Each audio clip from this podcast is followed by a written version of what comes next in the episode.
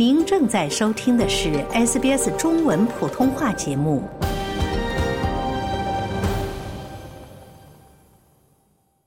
从法律角度看待社会现象，以专家意见指点生活迷津。请听现场说法。现场说法，您了解法律、咨询问题的空间。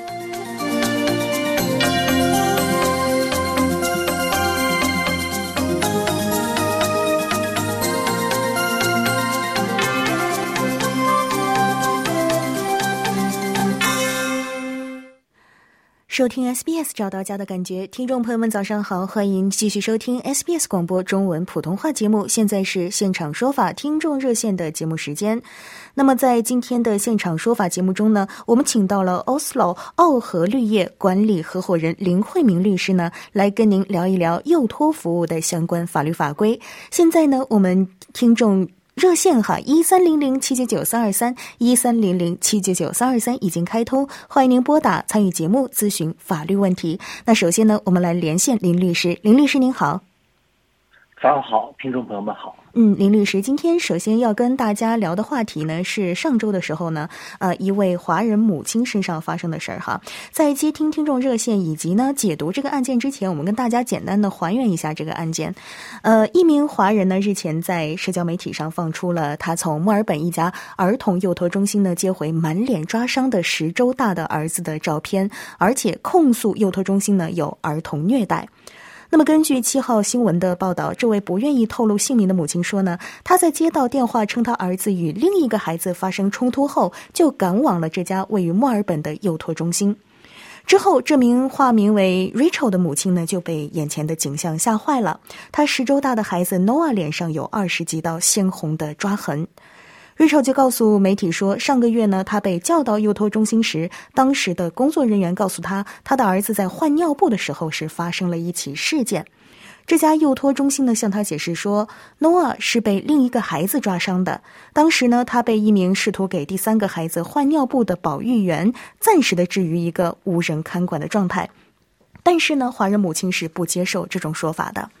那林律师，这就是简单的跟大家还原了一下案件的过程哈。我们看了这个案件之后，我相信有很多听众朋友，尤其是做父母的听众朋友们呢，有很多问题。就比如说，小朋友如果真的在幼托中心受伤了，那么中心有什么样的法律责任呢？嗯，对，显一个问题。我相信，如果看到过这个照片的孩子受伤的照片的听众朋友们，一定都会。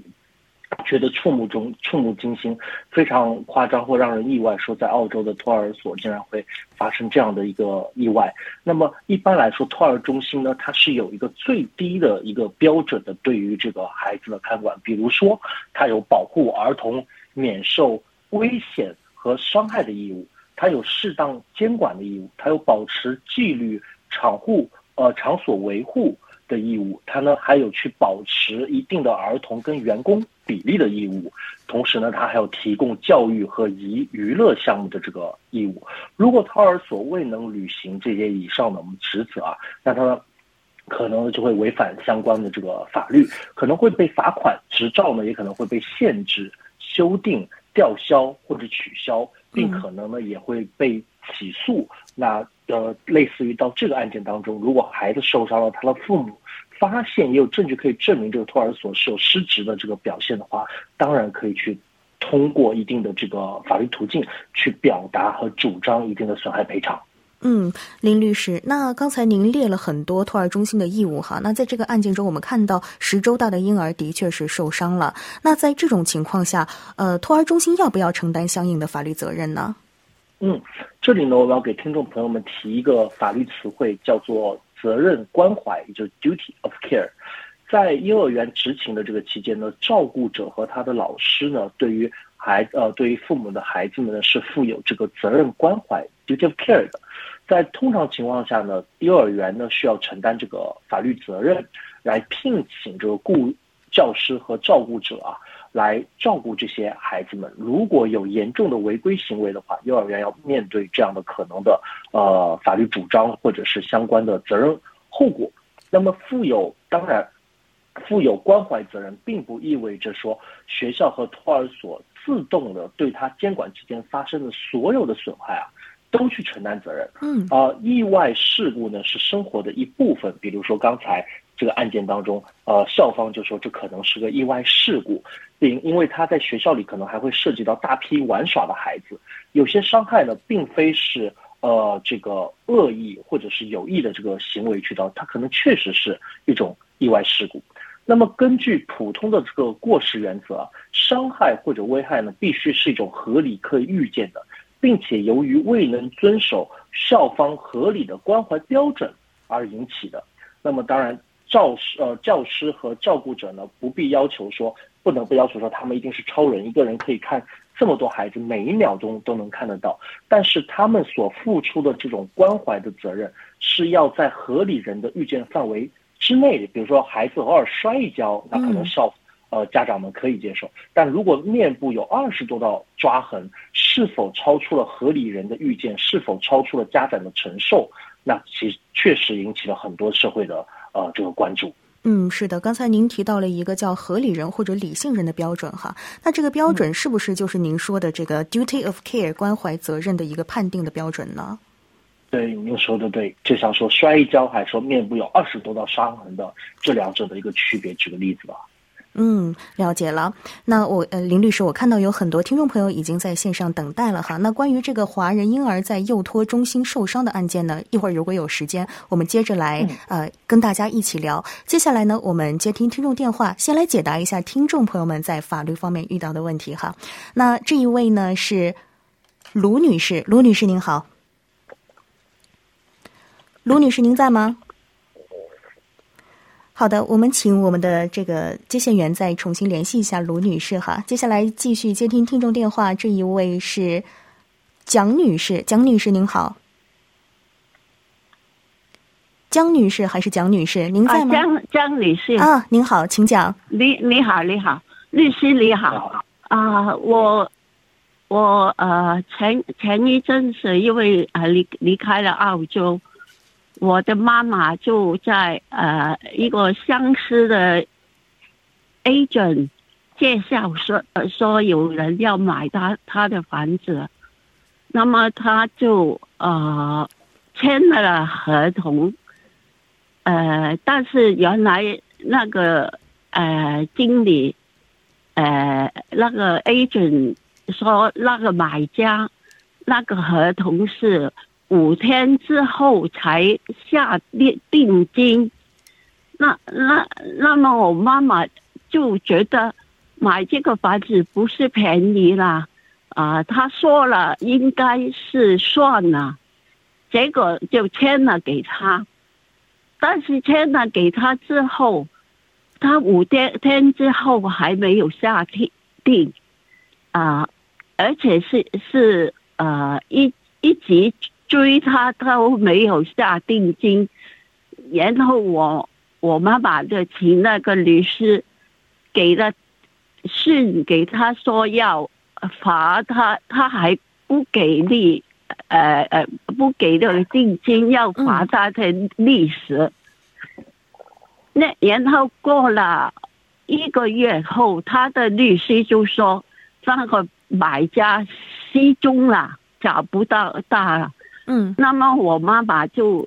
觉得，那么事情应该应该是完了，呃，她不会买了。但是在 settle 前的三天，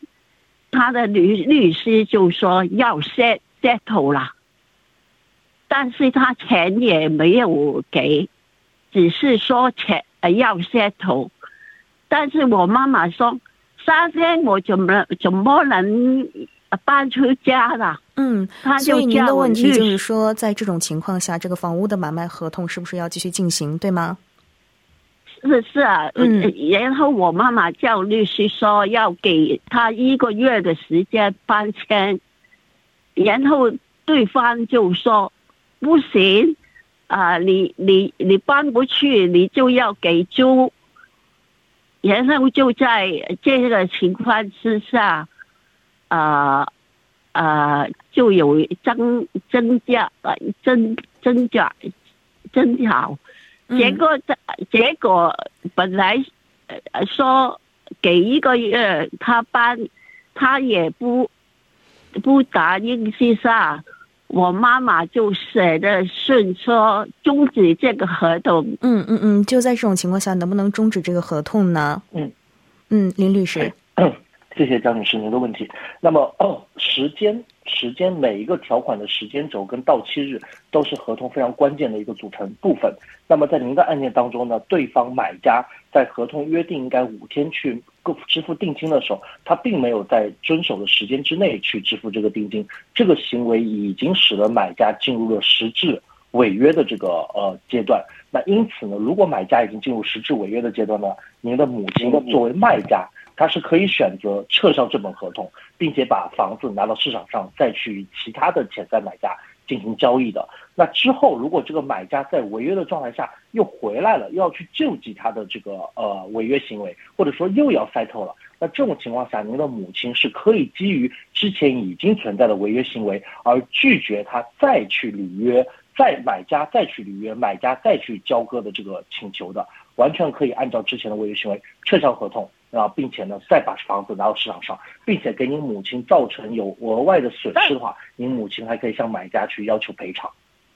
嗯啊，但是但是他呃拿了拿了我妈妈的合同，去那个呃土呃封了他的屋契，封了他的屋契，是封了了三个月。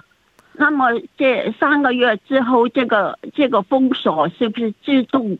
解封呢？我想问。嗯，您说的应该是 caveat 这个警告登记，因为它有一定的这个呃警告的冻结的这个时效。那如果在三个月之内，买家并没有发起法律诉讼行为的话，那这个登记是会自动失效的，不会呃无限无休止的延续下去。但同时，如果您但同时您母亲也可以提出反对，说他不能放这样的这个警呃警告登记在这个产权上面，因为是买家有违约行为在先的，并且如果买家错误的放了这样的警告登记，给母亲造成额外的损失的话，母亲一样可以作为卖家要求对方去赔偿。好的。谢谢江女士哈，您的来电，希望您顺利，仅供您参考。听众朋友们，现在已经是澳大利亚东部时间早上的八点三十四分。接下来呢，我们简要的为大家回顾一下澳大利亚国内国际的新闻大事件之后，接下来马上继续接听听众电话。从法律角度看待社会现象，以专家意见指点生活迷津，请听现场说法。现场说法，您了解法律。咨询问题的空间。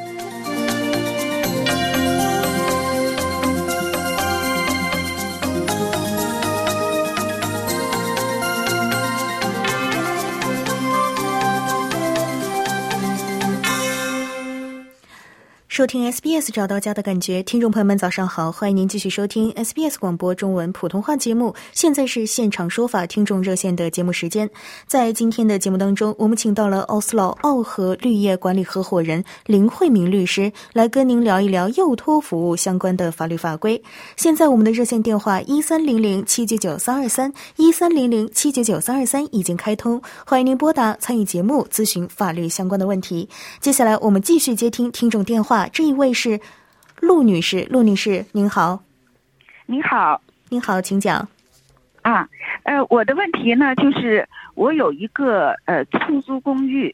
那么呢，呃分分别租给三个人，我并没有通过这个房屋中介，就是我自己管理的。那么其中一个人呢，他呢就是，呃，讲话非常大声，而且。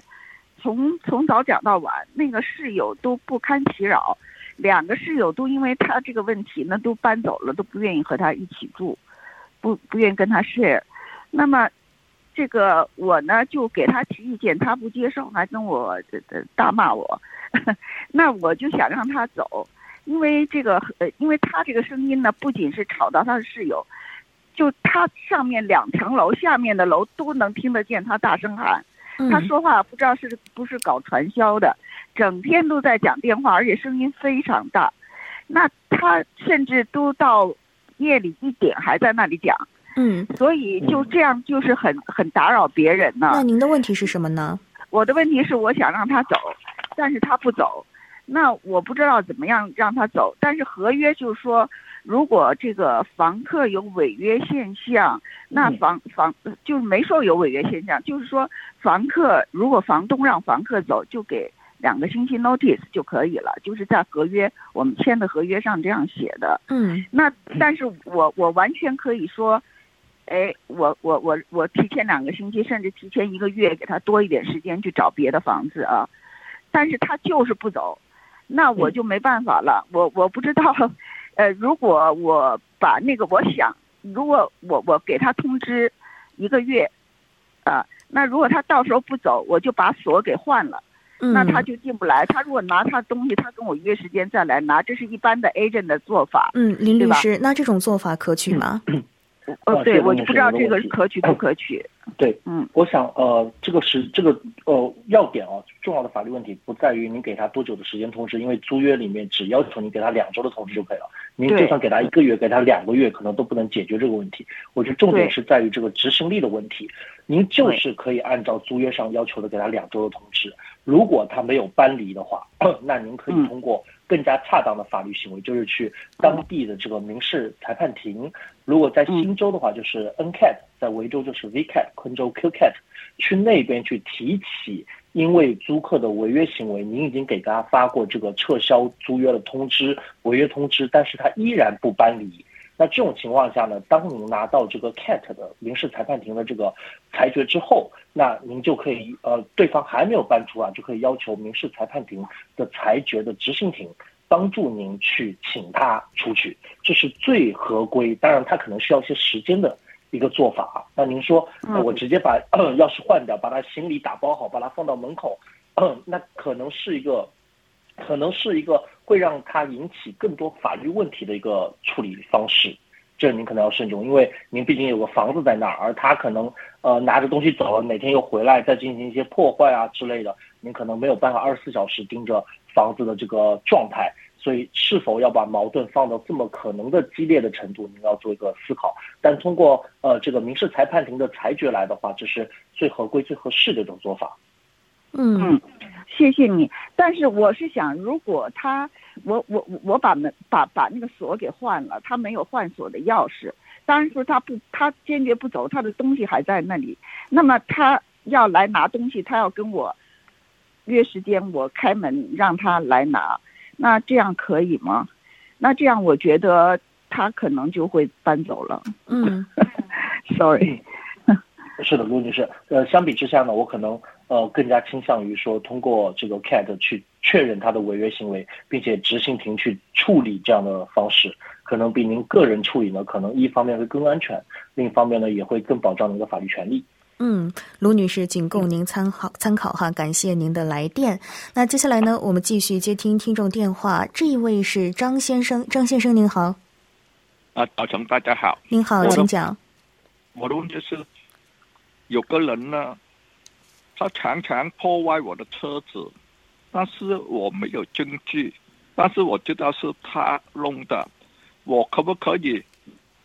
呃骂他，跟他讨论？那么他可不可以说我是违反？如果违反的时候，我的问题严不严重？嗯好，对，谢谢张先生您的问题。您的问题是指说，呃，您怀疑他破坏你的车子，然后呃，您去跟他理论的时候，他有一些言行，对吗？他会可能他会说我，他他每次破坏吧，我就去骂他，那就他就会告我是诽谤，诽谤的时候我的我的情史，那么我受受不受到很很大的严重？嗯嗯哦，了解了解您的问题了。呃，您可以对您可能的怀疑啊，对他进行主张，并且告诉他您对于您的车辆的这个呃权利，这是您可以讲的。但是您可能无法在没没有十足的证据之前就说说是他破坏您的车，说他是一个呃这个怎么样的这个罪犯啊，或者说他是怎么样的违反者啊，或者破坏者啊，这样这样的言行可能不合适，因为我们还没有十足证据。但如果您有这样的证据的话，您可以在第一时间报警。那破坏车辆的话，其实已经是故意损坏他人财产的一个罪行了，是应当负民事和可能的刑事责任的，是非常严重的一个指控。因此，还是建议您要在十足的证据的情况下，再说出他可能是车辆破坏者的这样的言行。但如果没有的证据，您是怀疑的话，您依然可以跟他表达说，让他注意他的言行，不要对您造成这个呃不不便的影，不要造成负面的影响，并且跟他强调这是您的车辆。这种言行您是可以表达，但相关的指控的言行可能一定要慎重。嗯，张先生，张先生供您参考好吗？如如果我就是就跟他讲，他违办我，他告我违办的时候，我受到什么的惩罚呢？呃，在您这个案件当中，我不认为上升到刑事责任，可能更多是民事了。也就是说，这样的言行如果到了第三方的耳朵里，使得第三方因为您的这个表达而对他失去了某种信任，这种信任可能是一种某某种商业合作的信任，也可能是雇主对于他聘任的信任，而去呃跟他不进行某种商业合作，使得他有经济损失的话，他可以对您进行这个民事赔偿。嗯，张先生供您参考哈。好，听众朋友们，我们再稍事休息一下，一段广告之后呢，我们继续接听听众电话。听众朋友，早上好！欢迎您继续收听 SBS 中文普通话现场说法听众热线节目。今天呢，我们请到了奥斯劳奥和绿业管理合伙人林慧明律师来跟您聊一聊幼托服务相关的法律法规。现在我们的热线电话一三零零七九九三二三一三零零七九九三二三已经开通，欢迎您拨打参与节目咨询法律问题。林律师，今天我们节目的主题就是华人婴儿在托儿中心受伤，哈，监护人能采取什么样的方式维权？那简单的。请您回答一下这个问题，那就是一旦发生了类似的情况，家长或者监护人有哪些救济的途径呢？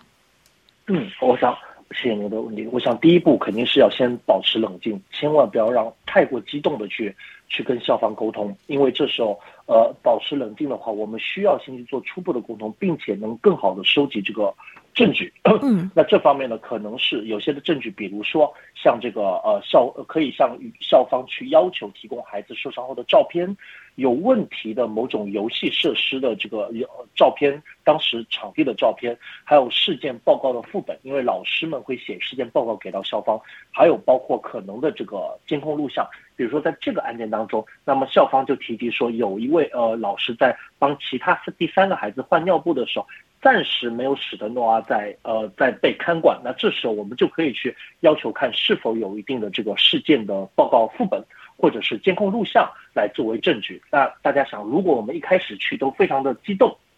甚至一开始就就要吵架，那这样的证据收集就会非常非常的困难。但我们先保持平静，拿到这样的证据，如果校方还不能给我们一个好的处理问题的解决方式的话，那下一步呢，我们就可以去。向这个维州事发地维州教育与培训部提起相关的这个呃投诉，那他们呢既有调查权，又能帮助去采取适当的行为，给予这个校方一定的罚款啊，或者禁令啊、限制啊，以及更进一步的起诉等等。那当然，如果以上还不能的话，那下一步就是保留自己的权利进行民事诉讼，可以帮助我们去一方面帮助呃帮助我们拿到相关的这个民事赔偿责任。可能的这个赔款，一方面也可以让学校得到一个判决，这样的判决就是学校可能面临的败诉，以及学校可能对家长所要付出去的这个赔偿责任。嗯，了解了。那看来其实是有很多有效的救济途径的哈。林律师，一会儿如果有时间，我们再继续讨论。不过现在还是接下来把时间交给我们的听众哈，来解答他们的问题。呃，这一位是钱女士，钱女士您好。哎，您好，您好，请讲。好，律师好。啊，我就是有两个问题，就是我儿子呢，他这个今年年初离婚了，离婚了以后呢，但是他们的财产分割呢没有进行分割，就是到现在还没有搞好，双方都不争执不不同意，就是说，那么这个事情就搁置了。那么现在我就是说，我想就是买房子的话，会不会对他们的财产分割有影响？嗯，因为因为呃。第一个问题就是说，不能有，呃，就是说怕万一有什么意外，嗯那么比方说我肯定要把遗嘱写好，写分给儿子。那么如果他们的财产分割没有进行，那会不会将来？因为从他离婚之后起，这个财产算不算他们夫妻双方之间的？嗯，好林律师我，这个问题，钱女士，对我的确认一个细节，就是他的离婚是在什么时候？啊，二月份，今年的二月，啊，今年二月份。好的，嗯，好的，谢谢您的问题。那么、呃 财产分割的诉讼啊，可以在离婚证书下达之后的一年之内可以提起来，也就是说，一直到明年的二月份，二四年的二月份，这个女方嗯依然可以去主张婚姻财产的嗯这个分割，这是先是第一个法理。第二个法理就是说，那超过一年行不行呢？也可以，但是呢，要向法庭去主张证明他为什么没有在一年之内去提起诉讼。比如说遇到了自己很大的疾病啊，或者男方有恶意的财产转移，使得这样的财产分割诉讼遇到了很大程序上的问题啊等等，他得先解决一年之内没有去呃这个提起诉讼的程序上的问题，才能再去解决实体问题。这是第二点。第三点，那么呃，嗯，我原则上呢，女方更多能去主张的是婚内的，也就是婚姻期间的。那么在婚后的，并且是您名下的资产呢，它其实是很难去非常去主张的，因为一方面不是男方的所有权，另一方面婚后男方的可能有些自己的资产呢，可能跟婚姻期间的一些资产呢是没有直接联系关系的，更多是男方的这个离婚后的这个所得。那更何况在您的名下的物业，对，跟他可能有更大的这个距离去拿到了。我就插一句，就是说，嗯他们已经离婚了，离婚了，那我儿子的所有的资，就是从离婚之日起，无论是银行的财产还是房产，还算算这个女方的吗？还要他加入他们这个财产分割吗？还算到已经结束了，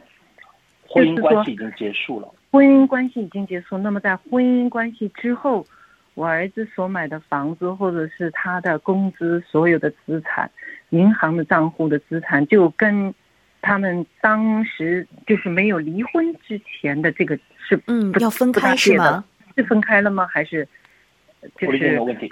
嗯，好，您看，您看资金来源，有种离婚后的是完全在依赖于自己的经济所得购买新的房产，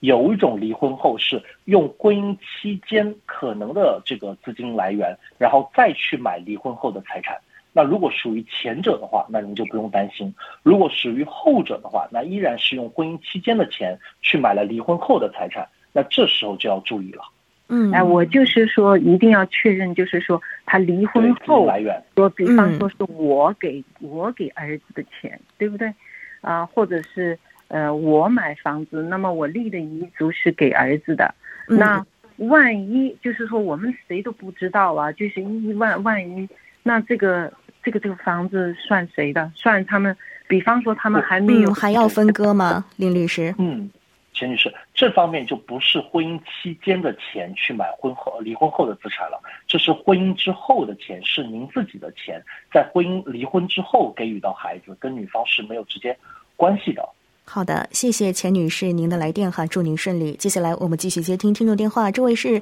唐女士，唐女士您好，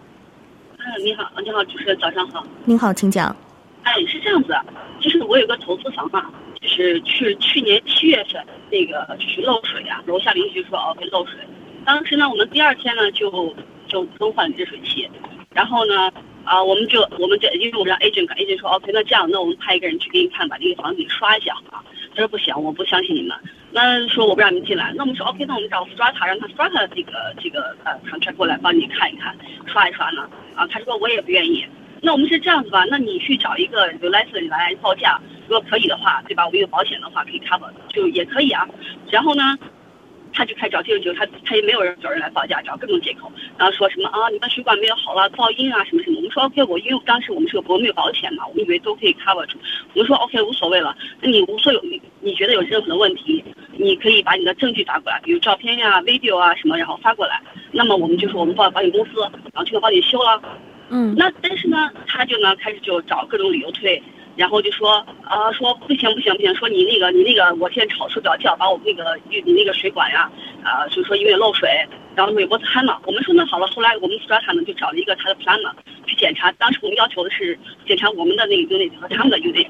然后呢，但是他也不让那个 plumber 进去。然后呢，他们是到我们的投资房 unit 去检查，检查完了以后呢，然后说有点漏水就修了，修了后呢，然后他就不再投诉这个问题了。然后我们说 OK，那你那你这样，你把你的那个。那个、那个、那个 ceiling 的那个，就是那个呃，喷喷涂的那个加报价发过来可以。然后他就又开始找理由，然后说啊，我要去 oversee 了，然后说我回来吧。回来后他发 email 说我回来了。然后呢，我们说好了，那你就就发，他就不发。好的，然后到了今年的今年三月份呢，他突然就说啊，说你们这个有有有 flood 了，我的房间里啊很多东西都损坏了。然后呢？好的，陶女士，由于时间的关系，不得不打断您了哈。林律师简要的回答陶女士的问题，可以吗？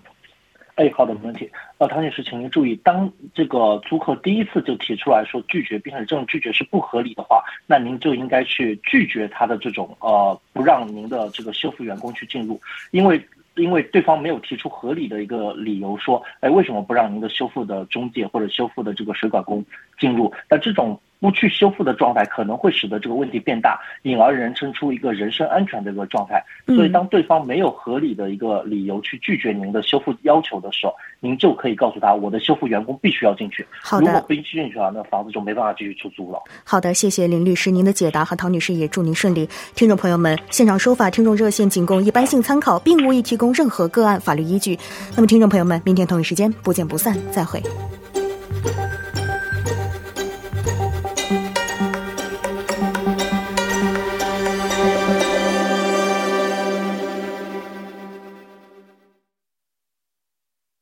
了解澳洲，融入澳洲，欢迎登录 sbs 点 com 点 au 前斜杠 language 前斜杠 mandarin，获取更多澳大利亚新闻和资讯。